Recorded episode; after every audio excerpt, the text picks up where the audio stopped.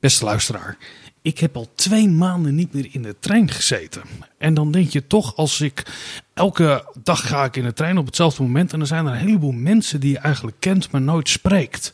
Weet je wel, die zie je dan in de coupé zitten. Of uh, die zitten altijd dat boterhammetje te eten. Of mensen die zitten dan druk uh, op hun telefoon. En ik begon me toch wel af te vragen, hoe zou het met deze mensen zijn? Weet je wat, zijn toch mensen die je toch dagelijks ziet. En je zegt ze niet eens gedacht, maar ze zijn altijd een onderdeel van je omgeving. Dus mocht je mij nou kennen en zitten we wel eens met elkaar in de coupé. Uh, hoi, hoe is het met je? Ik hoop dat het goed met je gaat. Deze podcast wordt mede mogelijk gemaakt door Code Clear. Duidelijk over websites en design. Vanuit Amsterdam is dit Onder Media Doctoren, de podcast waarin communicatiewetenschappers zich verwonderen over de media.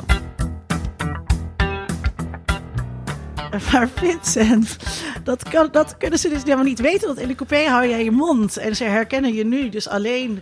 Dat denken ze die stem. Dus je moet. Iedereen moet nu gaan kijken oh, wie maar dus ik je ben. Moet als je en, straks, en, uh, je moet dus als je in, ken je- straks heb je- in de coupé je- zit, moet je, moet je zeggen. Beste luisteraar. En dan kijkt de coupé. En denkt: hé, hey, dat- stem dat- ken ik wel onder maar herkennen doctoren. jullie dat niet? Dat je soms mensen in de stad tegenkomt of in het openbaar vervoer, eh, die je heel vaak tegenkomt. Mensen die, je hebt geen idee wie het is, maar ik heb het in Amsterdam ook gewoon op straat, dat ik heel vaak de Maar je kent dezelfde- mij. Je, kent, Ik ken jou. je weet wat ik dan doe. Eh, ik ken jou. eh, Nou ja, maar kijk, vrienden jij- zijn gewoon vrienden die nog geen vrienden zijn. Dus als ik iemand, dus bijvoorbeeld, ik had Oh, een keer inderdaad op, Ja. eh, op, eh, op Utrecht Centraal dat ik iemand eh, tegenkwam of zag die bij mij in de sportschool sport. Ja, ja. Dan eh, ga ik natuurlijk hoi zeggen. En zeg, oh, ben je ook in Utrecht? Helemaal zo ver van Amsterdam. Ja, nou, En hij echt zo heel moeilijk zo, oh, ik denk dat ik daar in de trein ga instappen. ik heb wel gehad, ik, ik, ik, heb nog, ik ben nog gekeurd voor eh, militaire dienst. Dit heb je al een keer verteld in deze podcast. Ja, Misschien moet je de gast even voorstellen. we hebben een derde spreker eh, Wat? vandaag. Wat? Zit Dok- hij gewoon bij ons in de studio? Ja, die zit bij ons in de studio hier aan tafel. Dat is eh dokter Laura Kopier. Hey, gezellig dat ik er weer ben eh, in jullie bubbel. universitair docent eh, betrokken aan de beste universiteit van Nederland. De Universiteit Utrecht. Universiteit Mag gezegd Utrecht. worden. Zeker. En eh, ook jij, eh, hoe is het met je? Maar misschien moet je even zeggen, moeten we even aan de luisteraar wel zeggen dat eh, Laura in de coronabubbel zit. Ja, en ja dat dit voordat dus- jullie je zorg gaan maken, luisteraar, van oh, daar is er opeens een, eh, een derde persoon erbij. Hè? Zitten Is dat, ze wel op voldoende afstand? is, dat, is dat een bron van besmetting voor de, ondermedia, voor de mediadoktoren? Eh, nee, want we hebben, eh, nou ja, het is toch ook een soort, soort samenlevingscontract eigenlijk, hè, wat je tekent met elkaar. Zeker. Eh, die hebben wij al wat langer, Laura. Zeker. Ja. Maar jij vertelde mij ook dat je eh, ook wel hele strikte regels hebt. Dus je bent wel heel erg rein om hier aanwezig te zijn. ja, vooralsnog wil ik eerst zeggen dat ik volgens mij met Linda als laatste eh, de vrije samenleving heb eh, meegemaakt. De vrije vrijdag. knuffel. De vrije seks, knuffel, ja. seks, alcohol, gekkigheid, Het Sodom en. Gomorra van begin maart 2020. Ja, Ja, vrijdag 13 maart. Het staat me nog helder voor de geest. En daarna heb ik mij heel erg strikt aan de regels gehouden. Ik, ik, ik kom eigenlijk gewoon het huis niet uit. Maar waarom? Wa- Waarom zo strikt? Is het angst? Nee, het is geen angst. Ik vind het eigenlijk wel prettig. Is het, ja. Ik kom ook niet meer in de supermarkt. Ik laat alles bezorgen, één keer Maar per hoe week. kom je daartussen met dat bezorgen? Want dat is toch niet zomaar... Ik dacht dat dat alleen aan de... Nee, ik, wij hadden een iets vooruitziende blik. Dus ik had al eerder gezegd... kom, we gaan ons inschrijven voor de picknick. Mag ik dat zeggen? Ja, zeker hoor. Prima- prima zitten hier service. verdomme niet bij de fucking Prima publieke service. omroep. Ja. Dus we staan nu bovenaan. Als je al heel vaak hele dikke bestellingen plaatst... zoals wij nu doen, één keer per week... gewoon 120 euro laat komen... Maar dan weet je, Oh, dan nee. plan dan je sta dan... je altijd gewoon bovenaan. De eerste paar weken van de coronacrisis was het wat lastig. Zo werken die systemen. Die werken zo, ja. Ik kan nu kiezen wanneer ik wil dat ze komen. Ja, dat goede klanten. Die wist jij krijgen- dat? Nou, ik wist wel dat Picnic voorrang gaf aan mensen die in de gezondheidszorg zaten. Dat Ja. ze dan eh timeslots daarvoor reserveerden. Dat vond ik heel sympathiek. Eh, maar ik, ik kan, nee, dat wist ik niet. Maar het lijkt me heel eh, ja, logisch tuurlijk, dat tuurlijk als je meer bestelt, al- dat je dan... hebben ze een- ja, daar hebben ze een dat je dan- algoritme voor. Maar weet je dan ook, ga je dan ook de hele week plannen wat je gaat eten en zo? Ja, maar ik heb een hele creatieve echtgenote die heel goed kan koken. En dat scheelt. Ja. Dus dat betekent dat ik alleen maar zeg... volgens mij hebben we pindakaas en muesli nodig. En dat is dan mijn inspiratie voor de boodschappenlijst. En de rest wordt eh, eigenlijk door mijn echtgenoot eh, ingevuld. Nou, dat, dat, dat, dat is natuurlijk wel... En ja, het komt heel goed uit nu. Het- We zitten nooit, we gooien niks weg. we- we- voordat we aan deze opname begonnen, zeiden we tegen elkaar hoe goed we eruit zien. Hè? Dat Ja, we fysiek sterk zijn. fantastisch. Eh, ik heb het eh, eh, met Linda ook eerder gehad over die ja, in een soort topconditie verkeert. Eh, je ziet er nu ook buitengewoon zomers uit.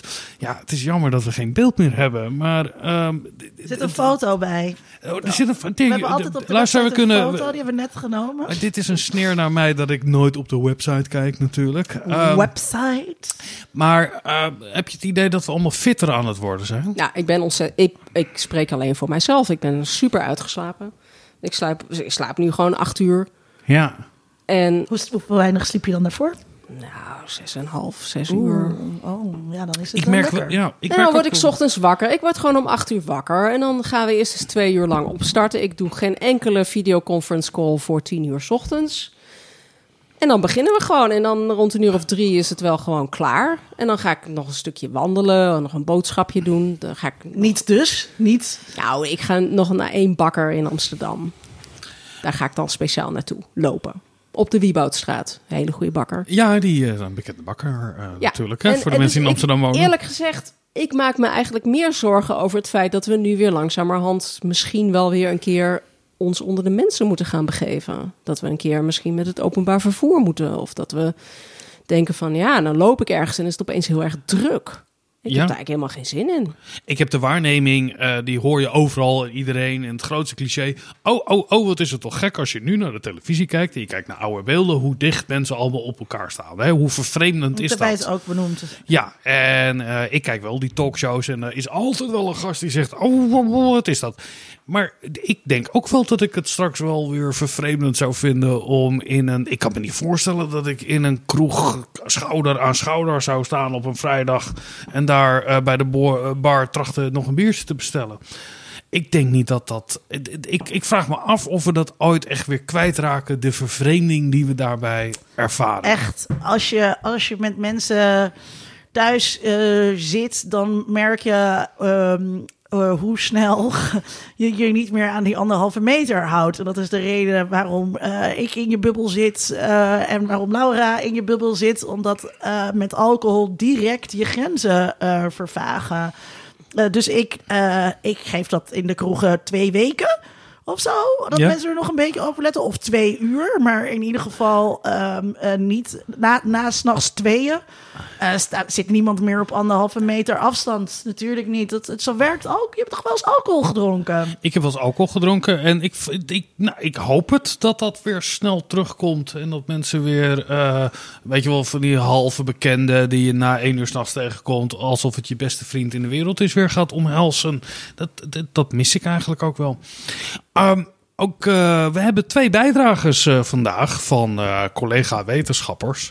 En we gaan eens beginnen met een bijdrage van dokter Jaap Bos, betrokken bij Oh, de ik, had, ik, ik wou nog wat zeggen als je, als Ja, je daarmee ja, gaat mag- beginnen. ja, je mag overal, doorheen. een, een, een, eh, Heb je dingetje. een waarneming? Nou, ik zat op Twitter raakte ik in een raar, of raakte ik in een discussie verzeild. Jeetje, op Twitter. Hoe kan het nou? Ja. En, eh, ja, je zou toch zeggen dat het een het gereden over- uitwisseling van gedachten daar... eh, Het ging over onderzoek dat de Radboud Universiteit heeft gedaan. En daaruit bleek dat mensen minder bewegen tijdens deze coronacrisis. En ehm, eh, dat, is, dat, dat leek mij heel logisch. Ehm, want je bent de hele tijd thuis. Ja, dus eh, dat betekent al dat je niet naar de trein fietst en op het perron loopt en niet van het perron naar eh, je werk loopt bijvoorbeeld. Ik bedoel, dat is al een heel stuk minder bewegen. En de sportscholen zijn dicht, de, de sportclubs zijn al die dingen. Wat is je punt? En toen eh, was er een man en die zei: ehm, eh, Ja, maar in mijn ervaring, of ik ben juist meer gaan bewegen. en toen zei ik: Nou, goh, ja. Want hij zei: ja, Ik vind het hele bevreemdende, hele rare onderzoeksresultaten. Ik zei: Nou, goh, hè, hoezo dan? Ja, ik ben juist meer gaan bewegen. Dus ik zei: Ja, daar komt de aap uit de mouw. En toen vond hij het dus heel raar dat. Het gaat dus over onderzoek en onderzoeksverklaring. Dat is het bruggetje Oh. dat ehm, eh, je kunt zeg maar je eigen ervaring gebruiken om te gaan zoeken naar verklaringen. Ik kijk nu naar een geesteswetenschapper. Ik kijk wel vooruit naar de sociale wetenschappers die er zitten. Je kunt bij je eigen ervaring beginnen om te gaan zoeken naar een verklaring. Maar het is heel raar om onderzoeksresultaten tegen te spreken, omdat jij een andere ervaring hebt. Ja, ik heb dat al bij Zelfs de geesteswetenschapper zit hier, zit hier ja, Zelfs ja, ik snap dat. Ja, duidelijk. Maar ik, ik heb, voor mijn gevoel ben ik ook gewoon prima in beweging. Eerlijk gezegd. Ja, maar je hebt een mini-trampoline ik heb gekocht. een mini-trampoline. Kan je daar Dus de luisteraar iets over vertellen? Dat, dat, ik ben daar ontzettend blij mee. Die heb ik denk ik anderhalve week in de coronacrisis eh, gekocht op aanraden van een vriend. Een kleine trampoline. Dus niet dat je denkt, nou ik ga eens lekker gewoon vliegen en zweven. Maar echt serieus zware oefeningen op een trampoline. dat En, geloof, eh, ik, dat geloof ik direct. Maar je moet dus wel echt zo en dat doe ik dus iedere ochtend, omdat ik gewoon zeg: ik, ik word om acht uur wakker en ik geef mijzelf twee uur de tijd om eerst eens koffie te drinken en al het nieuws te bekijken. En dan ga ik op die trampoline staan, doe ik twintig minuten als een soort van totaal beest. Best lang, 20 fucking minuten. beast mode ga Ja, ik dan. dat is wel een eh En dan ben ik eigenlijk helemaal, eh, helemaal fris. goede En dan workout. loop ik nog een beetje eh, iedere dag. En dat, voor mijn gevoel, ben ik super fit nu. Ja, ik ben dus heel fit, omdat ik eh, eh, ook heel veel slaap en eh, veel oefeningen eh, doe. En ik was al best wel fit. Ehm, maar ik beweeg wel echt minder. Sterker nog, ik heb mijn lidmaatschap opgezegd bij de sportclub. Zo, dat Ja. is lullig. Ja. Dat is daar, maar dat is gewoon lullig. Waarom? Nou ja, omdat je eh, die, die, die onderneming kan er niks aan doen. En, en dan- Maar zat je bij toch- een, zit je bij een grote keten? Ik zit bij een hele grote keten. Oh, dan is het niet leuk. Ja, je hoeft er geen medelijden mee te hebben. Nee, dan, eh, dan, Ik heb een rechtszaak lopen Maar tegen een sportschool, maar dat was al Maar voor dus ik had een bruggetje eh, gemaakt crisis. voor je. Daar Ja. is het bruggetje. Wa- wat is een onderzoek- bruggetje dan? Onderzoek Eh, doen. oh, nou onderzoek doen. Nou, een van de mensen die we... Ik vind het een raar bruggetje eigenlijk, maar... Ik, nee, ik wil nog even reageren dat... Het gaat toch over onderzoek? Ja, nee, maar je zei die N, is één ervaring. Hè? Weet je wel, ik eh, herken dat niet. Of deze, meer- deze meer- enquête kan niet kloppen, want mij is niks gevraagd. Ja. Ehm, het zou het zo zijn dat omdat wij nu eh, in een eerdere uitzending zei je, goh, eh, ik kom heel weinig nieuwe mensen tegen. We zijn nu veel meer thuis. Denk je dan ook dat de samenleving minder cohesie heeft omdat we minder met elkaar in aanraking komen? Dat we een veel meer een soort particuliere ervaring hebben van deze COVID-19 eh, ervaring?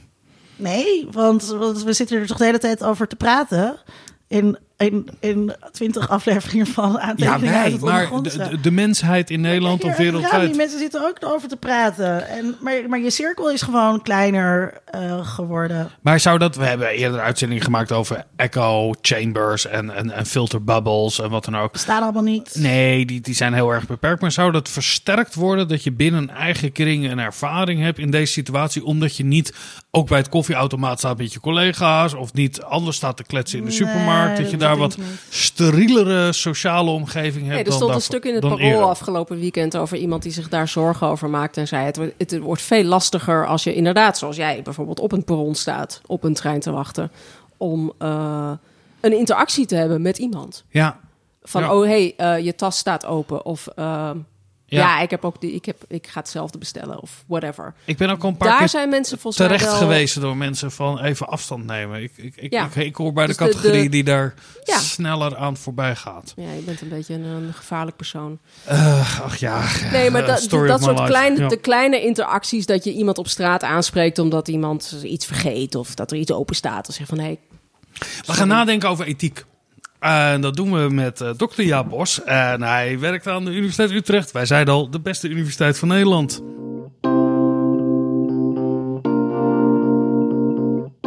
Beste luisteraar, daar zitten we dan. In onze huisjes, op onze kamertjes, socially distant van de echte wereld die er twee maanden geleden nog was en nu niet meer. En of die nog terugkomt en hoe dan, niemand die het weet. En toch gaat alles gewoon door. Daarover verbaas ik me eigenlijk nog het meest. Natuurlijk, je moet wel. Je kan moeilijk opgeven, zeggen laat dan alles maar zitten. Maar als ik eerlijk ben, bekruipen dat soort gevoelens mij wel de afgelopen week, twee weken. Laat ik het wat concreter maken. Drie jaar heb ik gewerkt aan een boek over onderzoeksethiek in de sociale wetenschappen. In 2019 verscheen het boek. En Ik begon met ongebreideld enthousiasme alles te lezen over moraalfilosofie, confidentiality, fraude, plagiaat, de replicatiecrisis, conflict of interest, noem het maar op, alles interesseerde mij. Langzaam kreeg het boek vorm. Zomer vorig jaar kwam het project in stroomversnelling toen ik de uitgever Springer bereid vond het boek te publiceren. Met mijn opleiding heb ik toen bedongen dat het een open access publicatie gaat worden. Gratis downloadbaar zonder enige restricties. Dat kost de opleiding geld, want de uitgever verdient dan niet meer aan de verkoop van hardcopyboeken. Maar dat hebben we ervoor over in het belang van een deugdelijke voorbereiding op iets wat de afgelopen jaren steeds belangrijker geworden is. Reflectie op de keuzes die je maakt als onderzoeker. Ik liet korte filmpjes maken bij de tien hoofdstukken, ingesproken door een student van mij, wier charmante Schotse accent een fraaie internationale draai aan het project geeft. Op de laatste draaidag van die filmpjes brak in Nederland de crisis echt uit. De universiteit ging die avond nog voor onbepaalde tijd dicht en is dicht gebleven. Al het contact verloopt sindsdien online. Ook het contact met mijn uitgever. Het boek komt nog gewoon uit, zoals afgesproken, in augustus. Ik heb het omslag net goedgekeurd en verwacht binnen een paar dagen de drukproeven. Eigenlijk ben ik met dit boek perfect op de crisis voorbereid. Het is zo direct online beschikbaar, bevat kennisclipjes, staat bomvol case studies en opdrachten die je thuis kan maken, alleen of met anderen, via Teams of in virtuele werkgroepen. Dus kortom, geheel toegesneden op een toekomst die plotseling al realiteit is geworden. En toch overvalt mij een licht gevoel van onbehagen. Want hoe moet het dan zo direct? Je kunt best papers schrijven en tentamens doen in het sociaal luchtledige, maar oefenen met ethiek, reflecteren op je handel als onderzoeker. Universiteiten zijn onderzoeksgemeenschappen. Ze geven onderdak aan hoogleraren, docenten, onderzoekers, ondersteuners, PhD's, managers, beheerders, ICT-techneuten, secretaressen, decanen en natuurlijk studenten. In die gemeenschappen worden cultuur onderwezen en doorgegeven en ethische reflectie, soms het gebrek daaraan, maakt daar deel van uit. Reflectie is geen vaardigheid, geen stukje theoretische kennis, ook al moet je wel weet hebben van een heleboel randvoorwaarden, codes of conduct kennen, of minstens weten dat die er zijn. Maar het is geen doel op zich, het is een middel tot een doel. Wat is dat doel? Ik zei het al, het vermogen te ontwikkelen keuze te maken en die te kunnen verantwoorden aan anderen toe. Maar ook het vermogen om keuze van anderen kritisch tegen het licht te houden. En hoe gaat dat? Het ontwikkelen van dat vermogen. Ik weet het eerlijk gezegd niet precies. Het heeft iets te maken met hoe je omgaat met dilemma's die je in de praktijk tegenkomt. De gevoeligheden van anderen en van jezelf. De bereidheid om de doelen die je stelt en die anderen stellen op elkaar af te stemmen. Soms gaat dat vanzelf, soms niet. Soms kom je er pas na een hele poos achter welke stilzwijgende afspraken en veronderstellingen in de sociale omgeving bepalen wat kan en wat niet kan. Je hebt tijd nodig en ruimte om je omgeving te verkennen. En je moet een paar keer tegen zo'n grens zijn opgelopen om te weten waar die ligt. Soms vrees ik dat er ergens in de sociale afstand iets verloren gaat. Zoals er in vertalingen wel eens iets verloren gaat. Het staat er en het staat er niet. Onze sociale wereld nu lijkt op een vertaling van de wereld waar we uitkomen.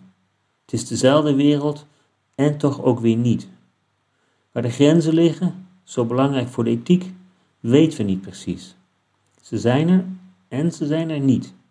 En ondertussen bepalen ze wat kan en wat niet kan. Onzekere tijden, ja. En toch moeten we voorlopig verder op deze voet. We hebben geen keuze.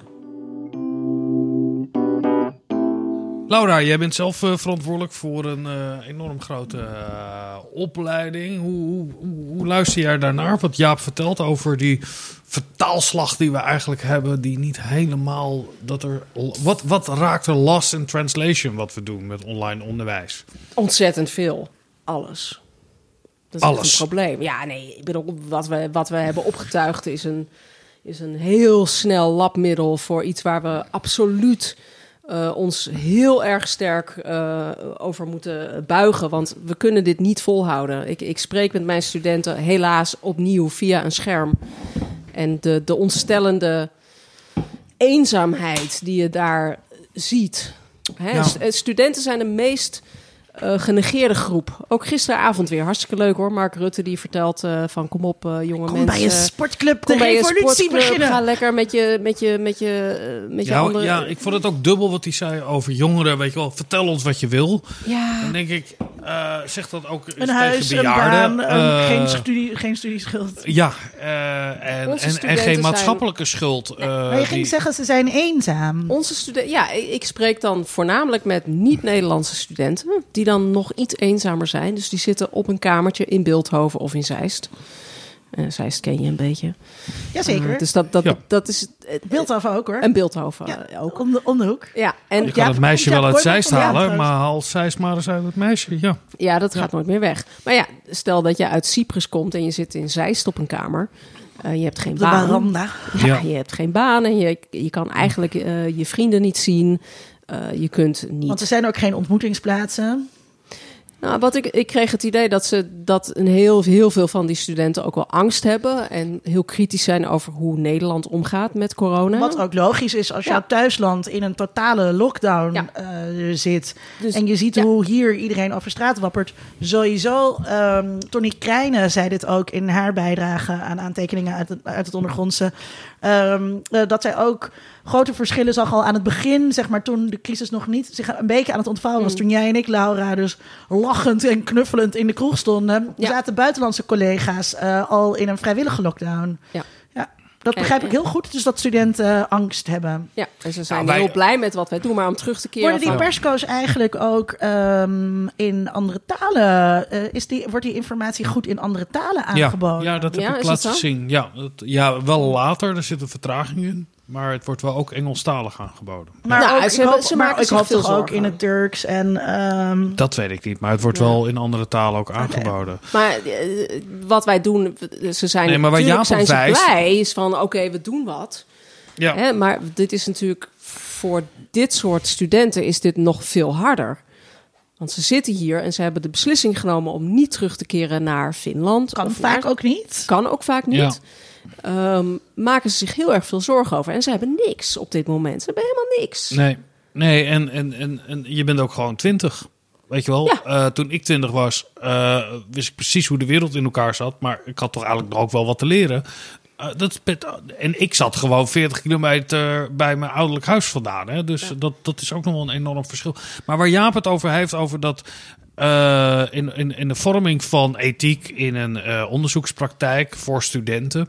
Dat er, ik beluister daarin dat er gewoon, of dat er bepaalde aspecten zijn die je eigenlijk niet online kan aanbieden. Dat dat niet beklijft. Eh, Ik vond het interessant wat hij zei, zeg maar. Wat, hij zei het niet letterlijk, maar zo heb ik het wel begrepen. Ethiek is een collectieve onderhandeling. ja, En ehm, eh, eh, het grappige was, ik moest heel erg denken aan toen ik nog bij eh, ehm, communicatiewetenschappen werkte aan de Universiteit van Amsterdam. Toen waar de kwantitatieven nogal dominant waren, terwijl ik juist met heel ehm, etnografisch, dus antropologisch ingestoken veldwerk bezig was. Waar ze een hele andere opvatting hebben van ethiek. Maar bij ASCOR, de, de onderzoeksschool, hadden ze gewoon een, eh, een, eh, echt een, letterlijk een checklist gemaakt. Dus een vragenlijst. En als je op alle antwoorden ja zegt, dan heb je ethische goedkeuring van de commissie. Als je heel- Amerika binnenkomt, dat je zegt: nee, ik heb niet bijgedragen aan de Holocaust. Eh, dat je dat, ja, ja. dus op, op Ik ben geen lid van een terroristische Ja. organisatie. Ja. Ja, terwijl ehm, binnen, eh, binnen de antropo- antropologie is het heel gebruikelijk dat je ehm, eh, toch zeker een, minimaal een paragraaf van je proefschrift wijdt aan eh, eh, reflectie op ethiek. En waar je daar dus En op jezelf. ja. a- aan je over Ja. nadenkt. Op je eigen subjectpositie, maar veel meer ook ehm, eh, eh, dat je, ja, dat je. Eh, je hebt met mensen eh, gewerkt. Ik Ja. heb met mensen in de klas gezeten. En daar kan je van alles over vertellen. Het mensgebonden onderzoek, zoals dat En heet. Ja. ehm, eh, ik miste dus in mijn promotietraject die mogelijkheid om daar collectief over te onderhandelen. Dus ik vind het wel mooi dat Jaap dat zegt, dat, dat, dat studenten dat doen. En, dat, en zo moet het natuurlijk ook zijn. En dat kan alleen maar in een werkgroepachtige eh, setting. Eh, je kunt dat niet in een Zoom breakout sessie. eh zet drie studenten bij elkaar. Terwijl jij. ehm, kijk, er is een heel groot verschil als ik een werkgroep geef. En ik zet de studenten in groepjes. Ja. Eh, dat zou ik in dit geval doen. Nou, ga maar in groepjes van drie. Hier heb je een aantal stellingen of een aantal uitspraken. Daar gaan jullie- gaan jullie over discussiëren. En ik loop rond. Dan loop ik rond. Die studenten zien mij, die kunnen even een vinger opsteken. Dat is iets heel anders dan wanneer ik de breakout rooms in Zoom afga. Want ik zie die studenten niet. Misschien hebben ze wel, zijn ze wel even weg. Ze kunnen mij ook niet zien. Ze kunnen mij er minder makkelijk bij roepen. Maar je kan toch stiekem, of niet stiekem, inbreken? Ja, je kan inbreken. Maar dat is dus heel anders dan wanneer ik fysiek Zeker. aanwezig ben in die zaal. En ook kan even zeggen, heel makkelijk kan zeggen... oh, je- oké jongens, nog even plenair. Eh, dit, je moet die studenten zien. Je moet ze bijna voelen. Eh, en je moet, en dus die, die uitwisseling tussen studenten bevorderen. Ik bedoel, ik vind het al moeilijk om interactie los te krijgen van, van mijn studenten. Eh, terwijl ik, eh, ik aan het overperformen ben. Ja, en dan zitten ze daar met z'n drietjes in zo'n breakout room. Dan moet dus, dat, is een, dat, is, dat vereist veel meer. En dan ook nog eens een keertje over dit onderwerp. En dit zijn dingen, volgens mij heel duidelijk, dit soort gesprekjes, onderlinge reflectie, dat kan je niet, dat kan gewoon niet digitaal. Absoluut. Nee, ook voor ons als docent. Ik las twee verschillende dingen, twee verschillende contexten. Eén was school, je hebt altijd die student die niet mee wil doen. Eh, normaal gesproken in een werkcollege setting zeg je... nou, zit diegene een beetje vooraan, weet je wel... dan, dan plaats je hem, eh, hem of haar een beetje the Oh ja, spot. doe je dat? Nou, dat, dat wordt al gezegd, weet je wel. Betrek iemand erbij. En, en dan las ik, ja, nee, je moet diegene pinnen op een of andere manier. Dat die, als jij in Zoom zit, dat, die, dat je altijd diegene Oh, in beeld nee, hebt. dat vind ik zo kinderachtig. Dat vind ik heel naar. Dat- nee, dat moet je En niet ik had ook een ander eh, gesprekje ergens over, ging over orde houden in, in een werkcollege. Ik heb daar nooit moeite mee gehad. Maar eh, dat je met orde houden, als iemand zit te praten achter in jouw zaal terwijl je hoorcollege geeft, dan moet je iets mee als docent. Ja, ophouden je- met praten. Nu kan je iemand op mute zetten. Dus die, die technologische laag die er overheen kan, de, de affordances van Zoom, worden een onderdeel ook van je didactisch model. Maar ik denk dat dat uiteindelijk gewoon heel slecht is. Eh, het, ook in referentie naar jou. Het gaat er juist om daar waar, waar je jezelf moet verantwoorden. eh, waarin je de andere kan beoordelen, daar waar het schuurt. Als wij dat op een, deze technische manieren. Hey, deze student die loopt er doorheen te lullen. Die kan ik gewoon uitzetten. Ja, dat, is, dat, dat doet af aan je didactische, eh, ik zou de willen dat didactische studenten door mijn. Zoom-meeting heen zouden Oh, lullen. wat lijkt me dat heerlijk. Dat doen ze namelijk niet. Ja, ja. Ze zitten allemaal versuft op hun bed. en als je Eh, geluk hebt, zetten ze de camera aan. En als je dan, nou ja, als je iets aan moet dringen, dan zetten ze hem wel voor je aan, begrijp ik. eh, Het is meer dat je denkt, ja, ik heb op geen enkele manier kan ik mijn lichaam inzetten om iets over te brengen. Ik kan ze niet in de ogen kijken. Ik kan niet voelen hoe zij zich voelen. Ik zie iets, maar wat zie ik eigenlijk? Waar kijk ik eigenlijk dus, naar? maar, en dus ook eh, als iemand dan... Hè, want ik bedoel, ethiek kan je ook napraten uit een boekje.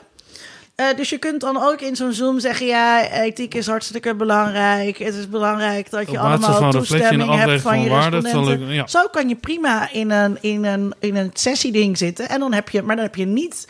En als docent pik je dat eruit als je met elkaar eh, bent. Maar vind je, denken jullie ook dat het ook voor onderzoekers, want ook onderzoekers spreken elkaar ehm, eh, nu niet, dat je dus het risico hebt om zo'n ASCOR checklist te krijgen. Eh, in plaats van dat er ehm, in eh, een PhD-club die fysiek bij elkaar komt, of een eh, eh, bijeenkomst van de onderzoeksgroep, ehm, worden er nu denk ik ook minder gesprekken over ethiek van onderzoek gedaan. Ja, ik denk dat er onherroepelijk een verschraling eh, plaatsvindt. En eh, in positieve zin, eh, hoe je geïnspireerd kan raken door iets waar je niet zelf hebt gegoogeld, waar je niet zelf naar eh, op zoek bent geweest. Mag Eh, ik trouwens nog iets, iets ja. niet gerelateerd, maar wel iets wat ik jullie wil voorleggen.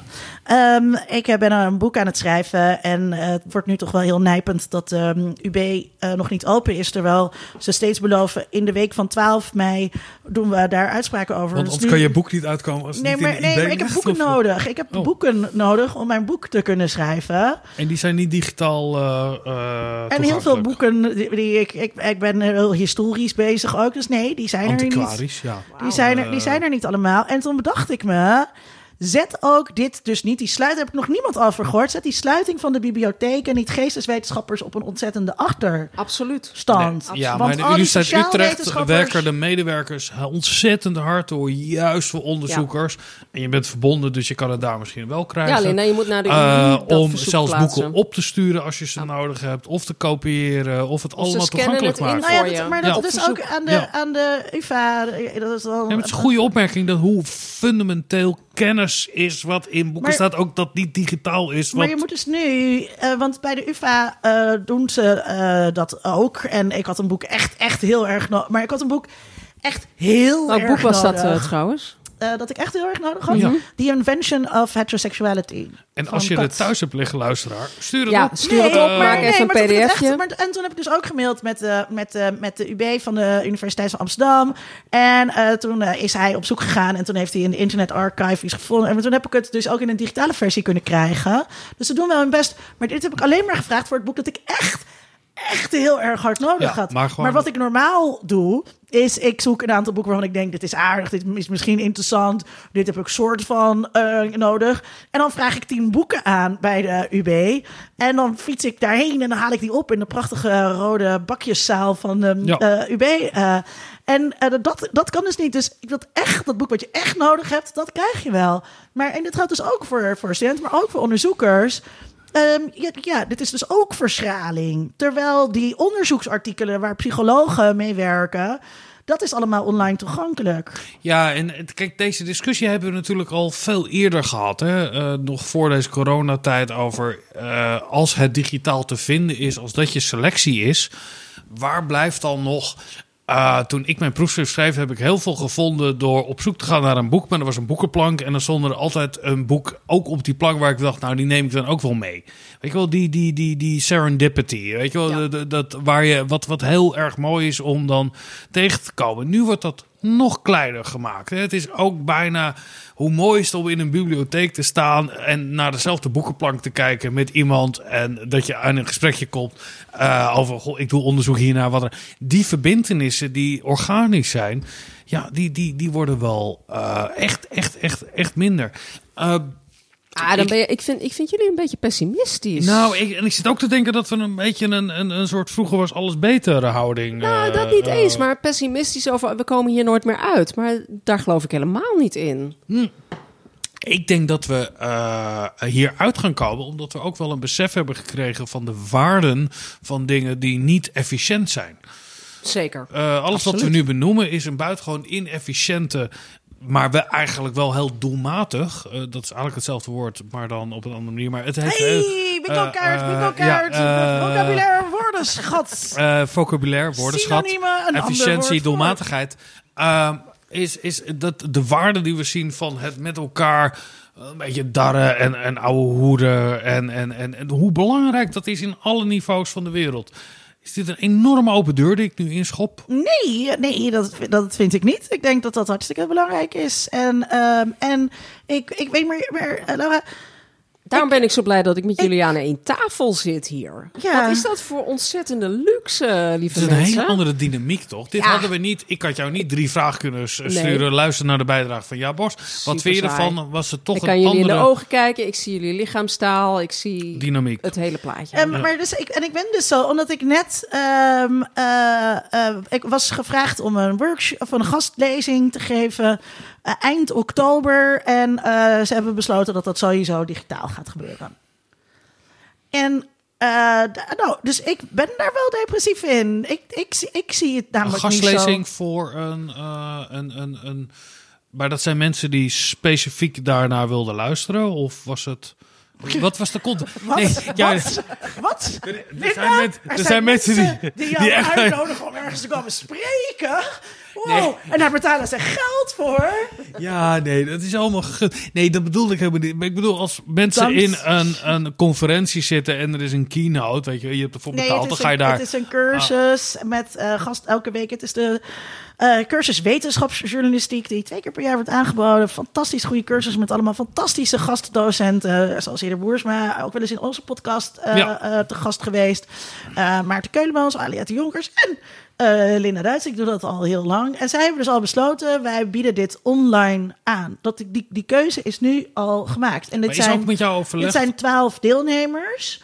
Eh, dus, niet, dus helemaal niet een extreem grote groep. Ik ken de ruimte waarin het gegeven wordt. Dan kan je prima eh, eh, één om één zitten, zeg maar, met steeds één Ja. tool. eh, Waarom doen ze dat dan niet? Sorry, maar dat Om kan nu toch al- prima in oktober? Mensen gaan zich nu al inschrijven om mensen nu zekerheid te bieden. Ik heb- Extra kut aan dit was dat de cursusleider zei: Vind je het goed als we dan om half tien beginnen? Nee, zaterdag- dan moet je dus nee zaterdagochtend. Nee, Normaal dat- beginnen nee, om elf nee, uur. Nee, nee, nee, dat is een hard no. Dan moet je gewoon nee zeggen. Als je luistert, Ronald, sorry dat ik dit eh, gespeeld heb. Eh, eh, ik heb eh, een beetje een lijn van Jaap. Ik, ik heb nog een ander moreel dilemma dat ik jullie wil voorleggen. Eh, ik, ik geef natuurlijk ook online en dan spreek ik met studenten. En ik heb de neiging door, om commentaar te geven op de omgeving waarin de studenten zitten. Eh, zo had ik een studenten en als je luistert, dan weet je wie je bent.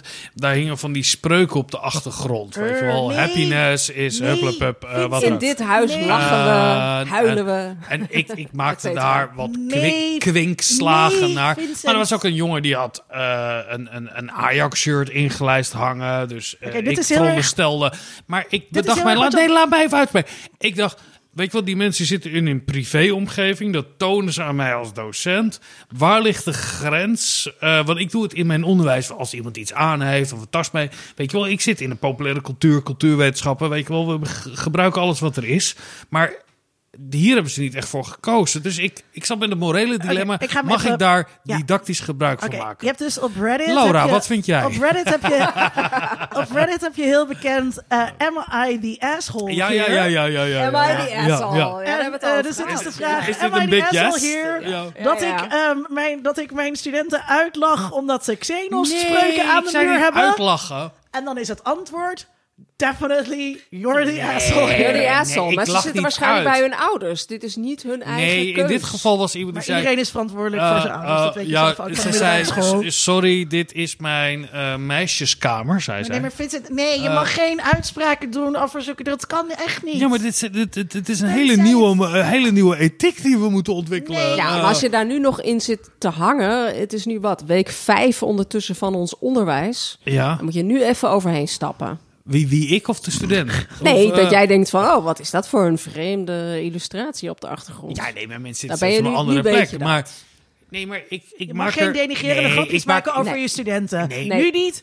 En eh, voor corona ook ook al niet. niet. En post-corona nee, ook niet. Nee, maar ik, dat doe ik ook niet. Maar ik, er was een jongen en die had die Ajax-shirts. En toen kwam het op sport. En toen zei ik, volgens mij hou jij heel erg van sport. Maar je moet dat op een leukere Eh, manier zeggen. Ja, nee, ik doe dat dan op een hele leuke, op een hele leuke manier. Maar jullie zeggen, eh, eh, eh, eh, it's a no. Maar mag je dan wel in een werkplace, in een normale situatie, als iemand zich op een bepaalde manier kleedt en je hebt het over populaire cultuur en identiteit, Absoluut. mag je 100%, daar dan mag gebruik van Ja, maken? dat Alleen mag. als het niet lullig is. Nee, uiteraard niet. Nee. Maar volgens mij, regel 1 van docent zijn: don't be an asshole. Ja, Eh, dat zijn we eh, allemaal eh, dat lijkt mij duidelijk. Maar, maar mag je er gebruik van maken? Kan jij.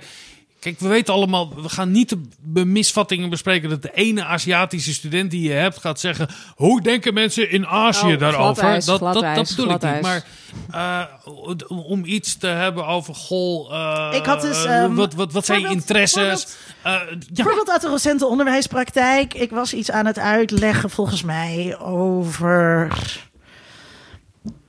eh, identiteit laten zien met populaire cultuur. Zoiets was het. Populaire cultuur is ook een middel om je identiteit te tonen.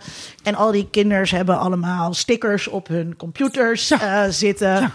Ehm, en, maar dan, dan kies ik er wel één uit waarvan ik weet die, die, die kan wel een beetje iets hebben. En dat je dan zegt, nou, weet je wel, oké, dus jij bent van Apple, ja, super cool merk, hè? En wel, je bent echt bijzonder. Maar hier zit ook iedereen met Apple. Weet je, dat, daar, je moet daar al wel een beetje nadenken bij wie je dat doet. ja dat, dat, ben ik heel erg dan- met je en- eens. maar dat het is een gegeven. Maar onderwijspraktijk. Maar het ja, gaat me dus- nu juist om de specifieke situatie dat ik nu...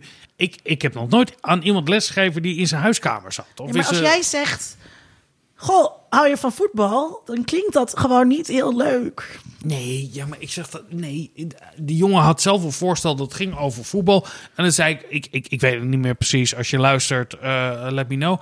Maar, Heb je je eh, studenten verplicht om naar deze podcast te luisteren? Ja, ja, ja, nee, Ja. dat. eh, dat eh, ik, ik neem aan dat ze dat allemaal doen. Maar het- ik maak een referentie. Ik denk iets te weten over de identiteit van mijn studenten op basis van de omgeving waarin ik ze zie. En dat is iets nieuws voor mij als docent, want dat zie je normaal gesproken niet.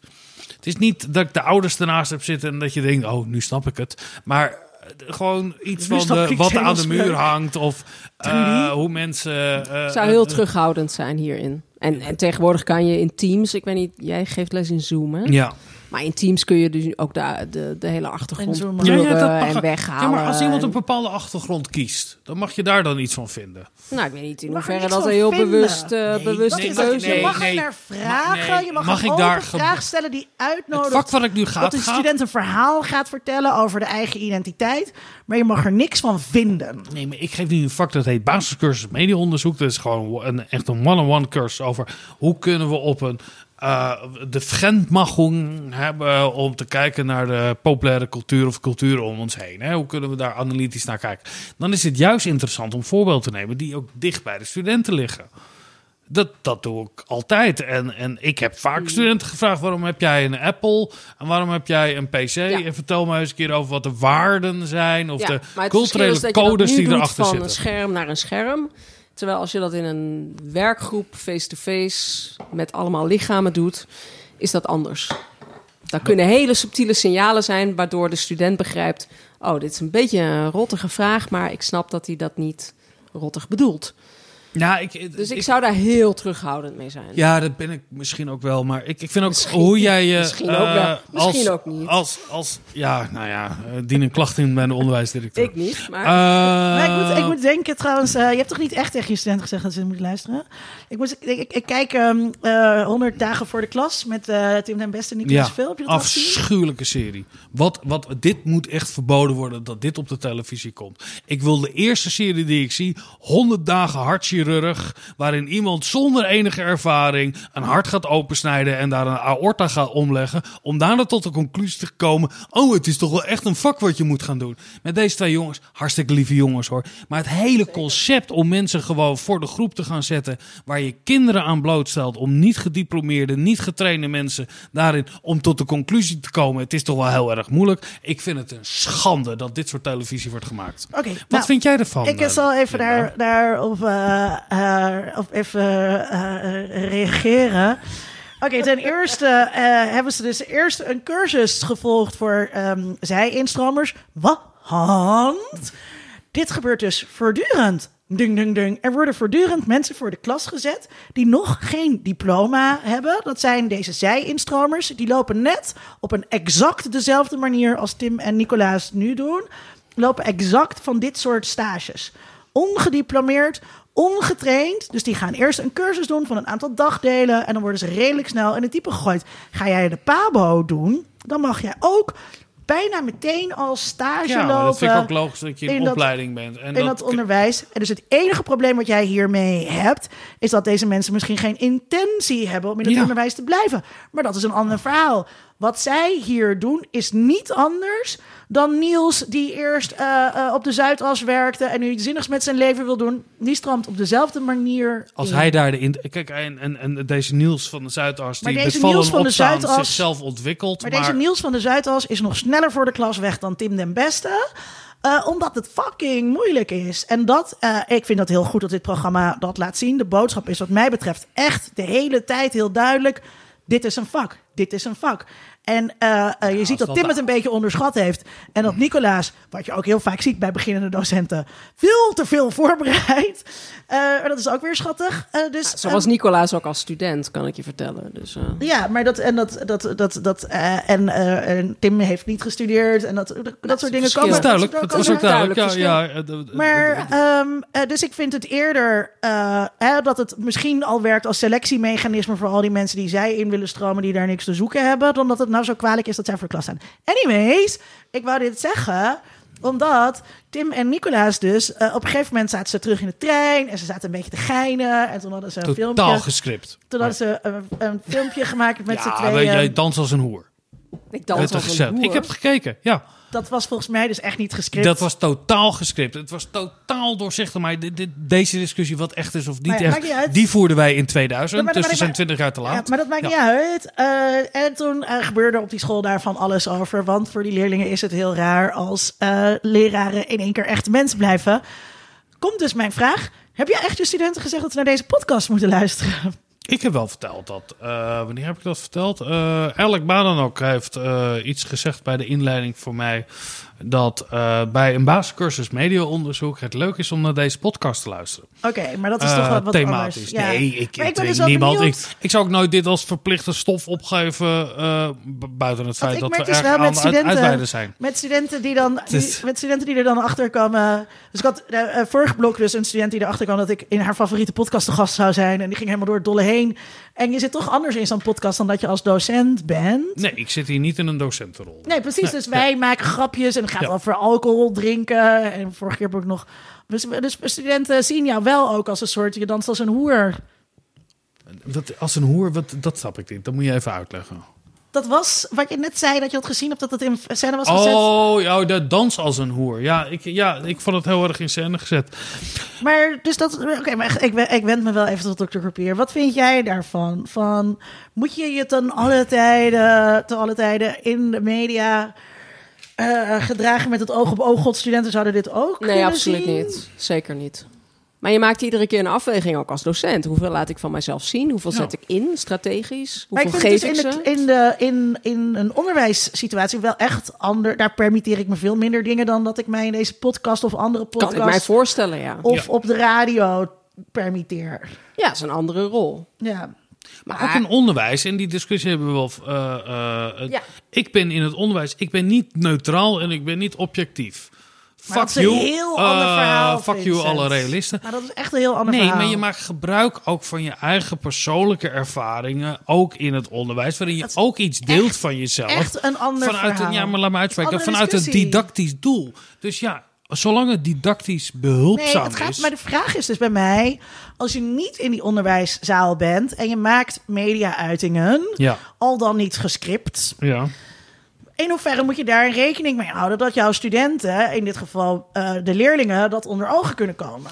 ja, dat vind ik wel een hele lastige. Ja, Ik Nou, ben blij voor- dat de vraag die- eindelijk geland is. Voor die kids die, waar zij les aan geven, vind ik een veel moeilijker publiek dan waar wij aan les geven. Kom op, middelbare scholieren is echt gewoon super moeilijk. Ja. Wij hebben het een stuk makkelijker. Ik zou nooit op een middelbare schoolles kunnen geven. Maar Dat ik heb, echt ik heb veel dus wel- moeilijker. wat ik bijvoorbeeld heb, heel vaak, maar nu niet meer, want je kan er niet uitgaan. Maar dat ik uit ben en dat ik dan studenten tegenkom en dat ik denk, dit is niet een goed moment om een student En dat heb ik niet meer sinds ik eh, in Ja, maar Utrecht werk. docenten onderling, dit soort incidenten. En eh, ik kwam er laatst achter dat ik al twintig jaar docent ben.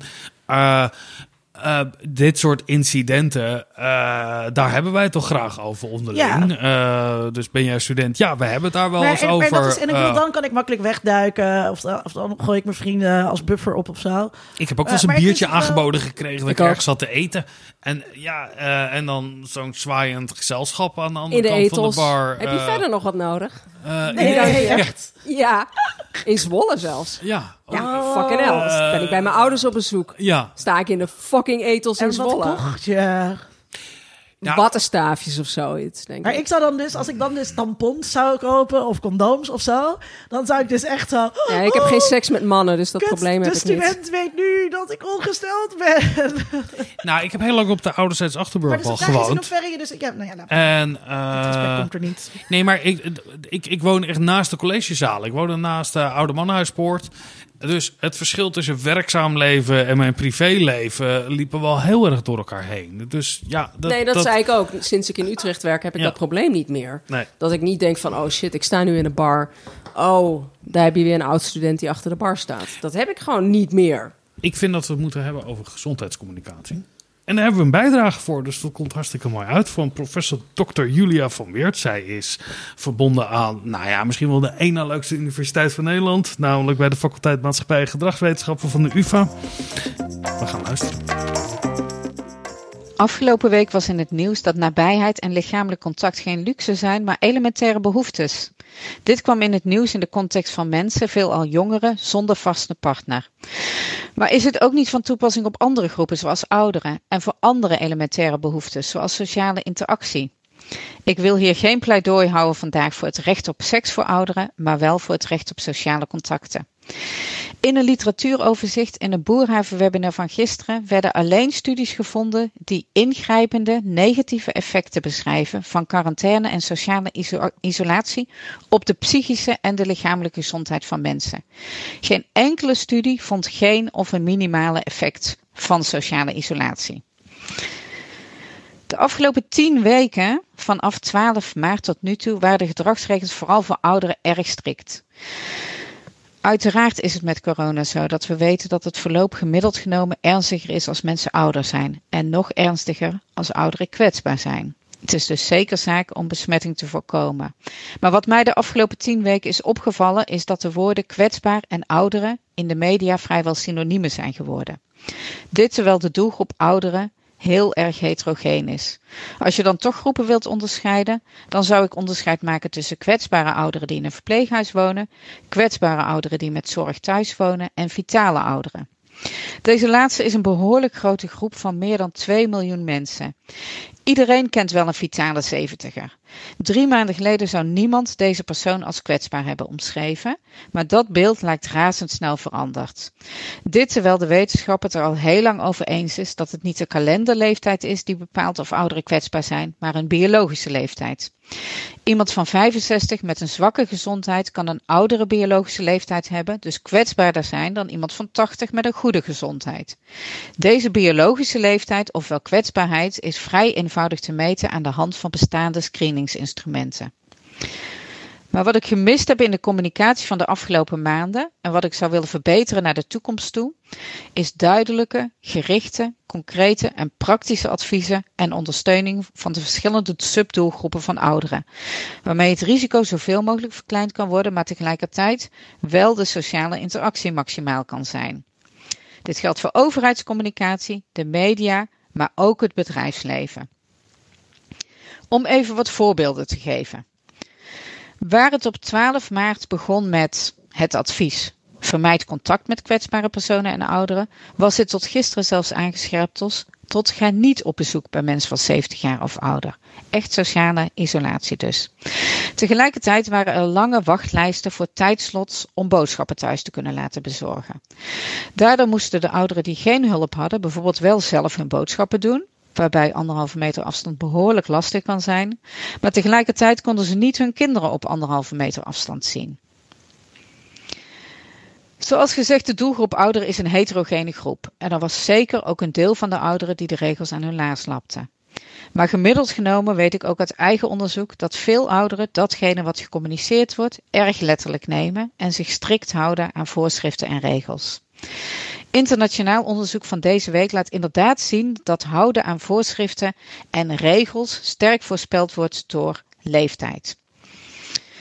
Wat ik daarom naar de toekomst toe graag zou willen zien, ook met het oog op een eventuele tweede golf, is dat samen met de doelgroep een set concrete voorbeelden wordt uitgewerkt hoe met maximale beperking van risico tegelijkertijd maximaal aan de sociale en praktische behoeften van ouderen tegemoetgekomen kan worden. Mark Rutte deed gisteren een oproep aan jongeren om actief mee te denken, maar ik zou zeggen: roep ouderen tot hetzelfde op. Zij weten het beste waar hun behoeften liggen. En onderzoek heeft al vaak aangetoond dat als de doelgroep actief betrokken wordt bij interventies, deze interventies effectiever zijn. Betrek daar ook de ouderenbonden bij. Kom zoveel mogelijk tot concrete adviezen. Bijvoorbeeld over hoe je je bezoek veilig kunt organiseren. Of je bezoek wel of niet bij je naar het toilet mag. Of je ze wel of niet een drankje aan kunt bieden. Supermarkten en bezorgservices roep ik op. Ga in gesprek met ouderen hoe de boodschappen georganiseerd kunnen worden. Geef ouderen bijvoorbeeld gereserveerde tijdslots om hun boodschappen thuis te laten bezorgen, zodat ze niet de internetwedstrijd aan hoeven te gaan met jongeren wie er het eerste bij is. Bespreken er andere seniorenuurtjes ingezet kunnen worden in de supermarkt dan alleen om 7 uur s ochtends. Want dat is zeker niet het meest ideale tijdstip voor elke oudere. En zo zijn er nog vele andere problemen en oplossingen die de ouderen zelf beter kunnen bedenken dan ik. Wat betreft mijn eigen onderzoek ben ik al langer erg geïnteresseerd in de technologische ondersteuning van ouderen. Edith Schippers, de vorige minister van VWS, maakte in 2015 al 130 miljoen vrij om in 2019 ambitieuze medisch-technologische doelstellingen bereikt te hebben. Helaas zijn deze niet gehaald. En zelf heb ik ook regelmatig gemerkt bij subsidieaanvragen dat Nederland en misschien wel de hele wereld niet klaar was voor met name innovatieve technologie bij ouderen. Die inhaalslag lijken we nu in hoog tempo te gaan maken. Zelf heb ik dus ook al veel mooie onderzoeksplannen in de kast liggen voor ondersteunende technologie voor ouderen, zoals het gebruik van virtuele assistenten en chatbots bij het bevorderen van leefstijl en welzijn. Ook hieraan zou ik dolgraag met ouderen en met de hulp van subsidiegevers verder werken om een toekomstbestendige inhaalslag te maken die ook bijdraagt aan het elementaire recht op sociale interactie. Superleuk bijdrage van uh, Julia, wat toch wel een van mijn lievelingscollega's was toen ik nog bij de afdeling communicatiewetenschap werkte. Uh, en zij daar net binnenkwam toen ik bijna alweer wegging. Um, uh, ik vind het grappig dat ze geen pleidooi wil houden voor seks voor ouderen. Maar dat wil ik eigenlijk um, wel. Ik heb best wel veel mail gekregen van oudere mensen. Die zeiden: Voor mij is het niet zo makkelijk om zomaar op Tinder een seksbuddy te zoeken. Maar dat wil ik wel echt heel graag. Um, dus daar mogen we best wel wat meer over nadenken. Um, iets wat ik heel interessant vind, wat jullie aan het begin zei, is dat uit onderzoek blijkt dat er alleen maar negatieve effecten zijn van sociale isolatie op ouderen. Dus onderzoek op onderzoek laat die negatieve effecten zien. Ik heb me een beetje verdiept in het onderzoek naar aanraking. En um, daaruit blijken eigenlijk alleen maar um, uh, positieve effecten van aanraking. Dus we kunnen eigenlijk alleen maar zeggen: als je niet aangeraakt wordt, dan blijven positieve effecten uit. Dus dat is toch al iets, dat is veel minder urgent en dringend. Ik heb die huidhonger natuurlijk heel erg aangezet, ook in mijn opiniestuk. Maar dat is veel minder urgent dan wat Julia hier vertelt over die effecten van sociale isolatie op ouderen. Dit is dus kei en keihard wetenschappelijk aangetoond dat die effecten ontzettend negatief zijn. En toch hebben we zo makkelijk die ouderen geïsoleerd hebben ze apart gezet. En we hebben het in een podcast ook wel vaker ja. over gehad. Hè? Uh, uh, mensen die er nu ook in één keer bij komen... omdat ze zichzelf een beetje schuldig voelen... dat ze uh, hun moeder of oma weggezet hebben in het verpleegtehuis.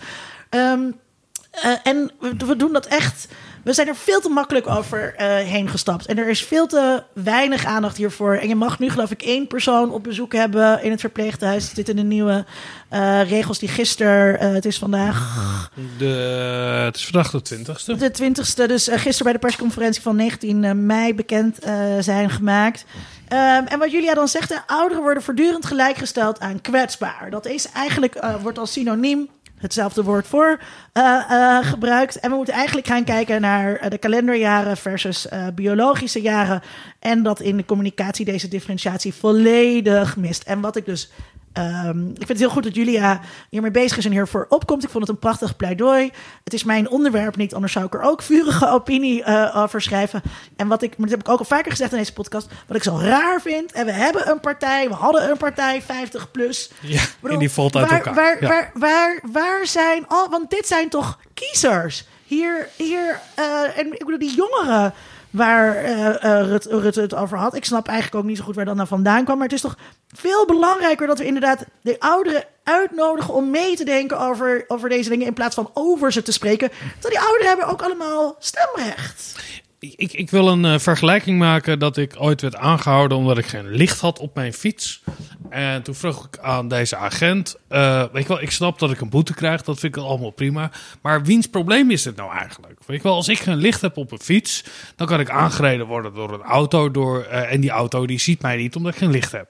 Waarop die jongeman zei tegen mij: Ja, verzekeringstechnisch en qua juridisch ook, strafrechtelijk, is die automobilist dan de Mm. Dus jij moet licht hebben op je fiets, zodat degene die jou aanrijdt, uh, of dat diegene jou niet aanrijdt, want dan is diegene schuldig. En ik vind deze parallel wel treffend over hoe wij omgaan met 70-plussers.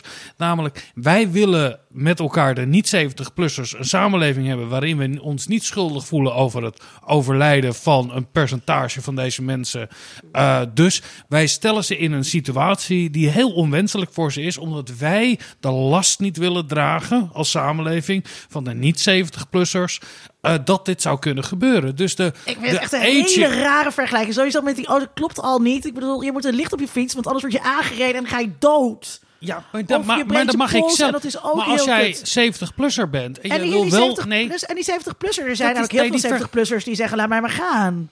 Ja, Voor mij maar- hoeft het allemaal niet. Maar als jij op de fiets zit en je hebt geen licht op je fiets, je kan er zelf voor kiezen om dat risico te lopen. Zo kunnen ook mensen van 70 plus zelf ervoor kiezen. Ik ben bereid dit risico te lopen. Bijvoorbeeld, zoals Julia zegt, dat je je eh, fysiek fit voelt, eh, dat je dat aan kan, eh, dat je daarmee om kan gaan. Dat er over jou besloten wordt of je nou licht op je Maar fiets hebt met of en een valhelm. te maken? Omdat de samenleving besluit dat ik niet kwetsbaar mag zijn. Krult dan op een varken, echt. Nee, dit is een. De, eh, Nee, maar is eh, het Laura, niet- is het jij- niet- volgens mij, jij knikte, jij begreep deze Ik, vergelijking. ik Leg begreep hem de eens uit aan vergelijking Linda. deels, maar wat, wat je hebt gezien vanaf het begin is dat de Nederlandse regering heel, er- heel erg heeft ingezet op het narratief van de sterkere moeten de zwakke beschermen. Ja, We doen dit niet voor onszelf. Ja, doe het niet voor jezelf, maar Nee. doe het, Doe het voor oma. doe het voor, voor, voor je fucking oma. ja. Daar kunnen we nu niet van afstappen. Nee, maar als oma nou wel het risico wil lopen, of zoals ik op een fiets wil Ja. zitten zonder licht, eh, dat wordt weggenomen. Nou, even afgezien Die- van, die- ik, laten we er even van uitgaan dat oma wel het risico wil lopen. Mijn moeder wil dat risico prima lopen. Die is Ja. ook eh, dik in de 70. Maar dan ben ik wel weer zo dat ik zeg, nou, ik kan misschien wel asymptomatisch zijn. Dus laten we vooral niet, hè, morgen zie ik ze weer, maar ik hou wel afstand. Ja, maar dat kan je met elkaar besluiten. Volgens mij wat Julia zegt is, geef deze mensen ook een stem. En ga Julia niet zegt in, is- in een groot generieke Wat Julia eh, zegt maatregelen. is, ga differentiëren in ieder geval tussen, tussen die groepen. Je hebt mensen die zitten in een verpleegtehuis en dat is een hele andere groep. eh, eh, dan eh, jouw ouders, Vincent, die eh, op de elektrische fiets stappen en lekker vitaal zijn. Eh, ze hebben geen elektrische fiets. En, eh, Mijn ouders een, Zo die stappen vitaal, lekker zo vitaal zijn ze. Ze stappen nog op de gewone fiets. eh, En dat is wat, dat is wat eh, Julia zegt. En, en ze heeft het over, je moet, jij zou juist moeten aanstaan op die kwetsbaarheid. Daar heb je toch hele vertooganalyse van gedaan in je proefschrift. Ja, Ja, zo nee. komen met die idiote vergelijking. Nee, ik denk dat die ze absoluut heel goed de vergelijking niet. Het gaat erom dat je op het moment dat jij 70 plus bent, eh, dat, dat, dat we daar gedifferentieerd naar moeten kijken. Dat de, enige, de ene 70-plusser niet de andere is. En stel, hè, laten we hem even in extremis nemen. Dat jij bent hartstikke oud. Je bent hartstikke kwetsbaar. Dat klopt, 43. Eh, eh, en jij wilt in de laatste fase van je leven. Wil jij gewoon je familie knuffelen en volledig accepteren dat het risico er is dat je corona krijgt en doodgaat. Maar jij wil dat liever met je familie doen of met je geliefde in je omgeving doen. Dan dat je die la het zit weg te kwijnen maar je, nu maar je maakt, je- nog een half voorbij, jaar. Je gaat eh, voorbij aan het punt dat Julia maakt. Los zeg maar, van de individuele, particuliere wensen over leven en dood. Zegt Julia, je hebt een groep vitale ouderen. die zijn helemaal niet zo kwetsbaar. Nee. Dus eh, los van hun wensen dus over hoe ze daarin... Zij zijn niet zo kwetsbaar. ja, maar mijn En punt het is raar dat zij de hele tijd weggezet worden als kwetsbaar. Ja, maar mijn punt is, waarom is het dat wij vitale 70-plussers, die misschien helemaal niet kwetsbaar zijn, omdat zelf willen, wel in die categorie plaatsen, is omdat we de schuldvraag daarover niet kunnen verantwoorden. En daarom zetten we een bepaalde groep, zetten we nu Nou, ik denk letterlijk eerder- geïsoleerd, Ik zetten denk we die eerder weg. dat het is wat Laura zei. Hè, eh, we zijn begonnen in dit vertoog om men- met dit vertoog om mensen, om de jongere groep te overtuigen dat dit noodzakelijk was. En nu zitten we vast in dit vertoog. En dan kan je niet zomaar veranderen. Nee. we hebben het ook wel over En wat, gehad. en wat, dus, en maar misschien kunnen jullie daar nog over op ingaan. Hoe, hoe dus eh, over die afweging die gemaakt is tussen eh, eh, corona krijgen en sociale isolatie. Corona krijgen is een risico. De negatieve effecten van sociale isolatie zijn een feit. Ja, dus je wil zeggen, als je nu kiest voor sociale... Ja, dat, dat, ja, dat is sowieso kut. Ja, voor, voor als je... eh, maar vind je dan Maar, ook dat ja. 70-plussers... Ook al zit je in een verpleeghuis en ook als je kwetsbaar bent... kan zeggen, ik wil gewoon mijn familie zien. Punt.